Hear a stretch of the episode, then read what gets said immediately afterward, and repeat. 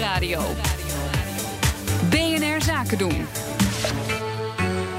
Ondernemersdesk. Ja, als startende ondernemer wil je maar één ding en dat is groeien. In korte tijd komt er dan veel op je af en je moet je knopen doorhakken. En een van de vragen is, is het dan slim om te leasen als je wil groeien?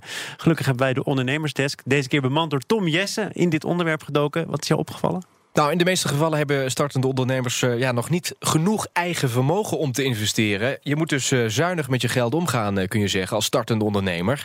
Nou, en je kunt er dan voor kiezen om je spullen die je nodig hebt te leasen. Nou, laten we als voorbeeld even een bouwbedrijf nemen. De economie trekt aan al een hele tijd, dus dat bouwbedrijfje krijgt flink wat extra opdrachten.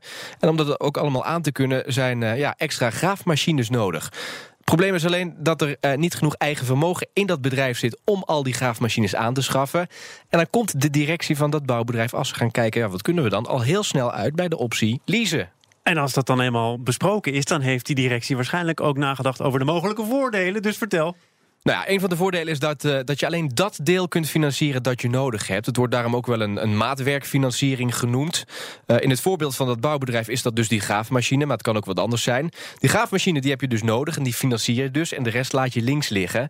En wat vaak voorkomt is dat uh, veel bedrijven financieren via de bank. Maar dan loop je toch tegen een paar grenzen aan. Je kunt namelijk maar een x-bedrag, een max-bedrag lenen. En het voordeel van leasen is dat je in de meeste gevallen een veel groter bedrag kunt financieren dan bij die bank. Ja, daarnaast gaat leasen niet ten koste van andere financiële afspraken die je met die bank hebt. Dus je hebt wat weer uh, financiële mogelijkheden, kun je zeggen. En een ander voordeel is ook dat het behoorlijk snel is, dat leasen. Deze expert Joris Linders van BeQuip die legt het uit. Kijk, als een ondernemer een, uh, groeit, dan krijgt hij waarschijnlijk een kans om een opdracht aan te nemen. En dan moet je wel snelheid hebben. Als je dan nog een maanden moet wachten om te weten of je die opdracht kan aannemen, heb je een probleem. Bij leasing, bij kleine bedragen, heb je vaak binnen een dag al, weet je of je het kunt financieren, ja of nee. Leasing dus, daar hebben we het over. En dan wordt het nu een tikkeltje technischer, want er is een verschil tussen operational en financial lease. Oftewel, aan welke kant van de balans komt dat bedrag dan te staan? Ja, absoluut. Bij operational lease betaal je een soort van huur hè, voor het gebruik. Staat dan op de balans van de leasemaatschappij. En bij financial lease ben je als ondernemer eigenlijk zelf verantwoordelijk voor de afschrijving, de verzekering. Met andere woorden, het staat op je eigen balans. Nou, als je nog iets qua financiering bij die bank wil, waar we het net over hebben, dan is het slim om die graafmachine niet op je eigen balans te zetten. Want die bank die kijkt bij het verstrekken van een lening namelijk altijd naar die balans en dus naar het eigen vermogen. Dus leasen zorgt ervoor dat je bij de bank nog wat extra vermogen los kunt peuteren voor andere zaken als je dat wilt. Klinkt goed, maar we weten natuurlijk allemaal, en dat is uh, het konijn uit de hoge hoed, dat lease uiteindelijk veel duurder ja. is dan zelf bepalen. Ik koop die graafmachine. Precies, dat, eh, als je advies vraagt, krijg je dat vaak te horen. Je stopt namelijk een flink bedrag aan cash in eh, de graafmachine. En een van de voordelen daarvan is dat je geen rente betaalt. Als die rente laag staat, zoals nu, is dat geen probleem. Als die gaat stijgen, dan wordt het een dure aangelegenheid. Als je het bedrag ook zelf hebt om te financieren... Nou, dan is het het overwegen waard om dat te doen. Maar goed, die ondernemer waar we het net over hebben... Ja, die heeft niet zo heel veel vermogen. Ja, dus die moet op een gegeven moment gaan overwegen... wat ga ik doen?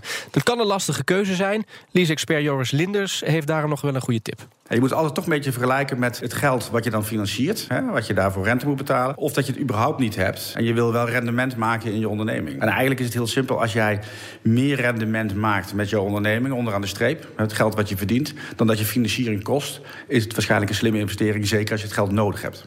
Goed, dan zijn er ook nog vormen van leasen die nog niet zo bekend zijn. Bijvoorbeeld bedrijven die tweedehands voertuigen aanbieden voor de lease. Dan heb je dus het afdankertje van iemand anders te pakken. Ja, dat kun je zeggen, maar het is wel goedkoper. Dus ondernemers die uh, leasen het. En die tweedehands spullen, ja, die zijn nog prima in uh, de conditie. Oh ja, dus natuurlijk. Dat moet ik niet vergeten. Die kun je echt nog wel gebruiken. En als je die leasewereld induikt, ja, er zijn echt heel veel vormen. Nog één optie is bijvoorbeeld om, uh, als je bijvoorbeeld een graafmachine hebt... om die te verkopen als er nog waarde in zit aan een leasemaatschappij.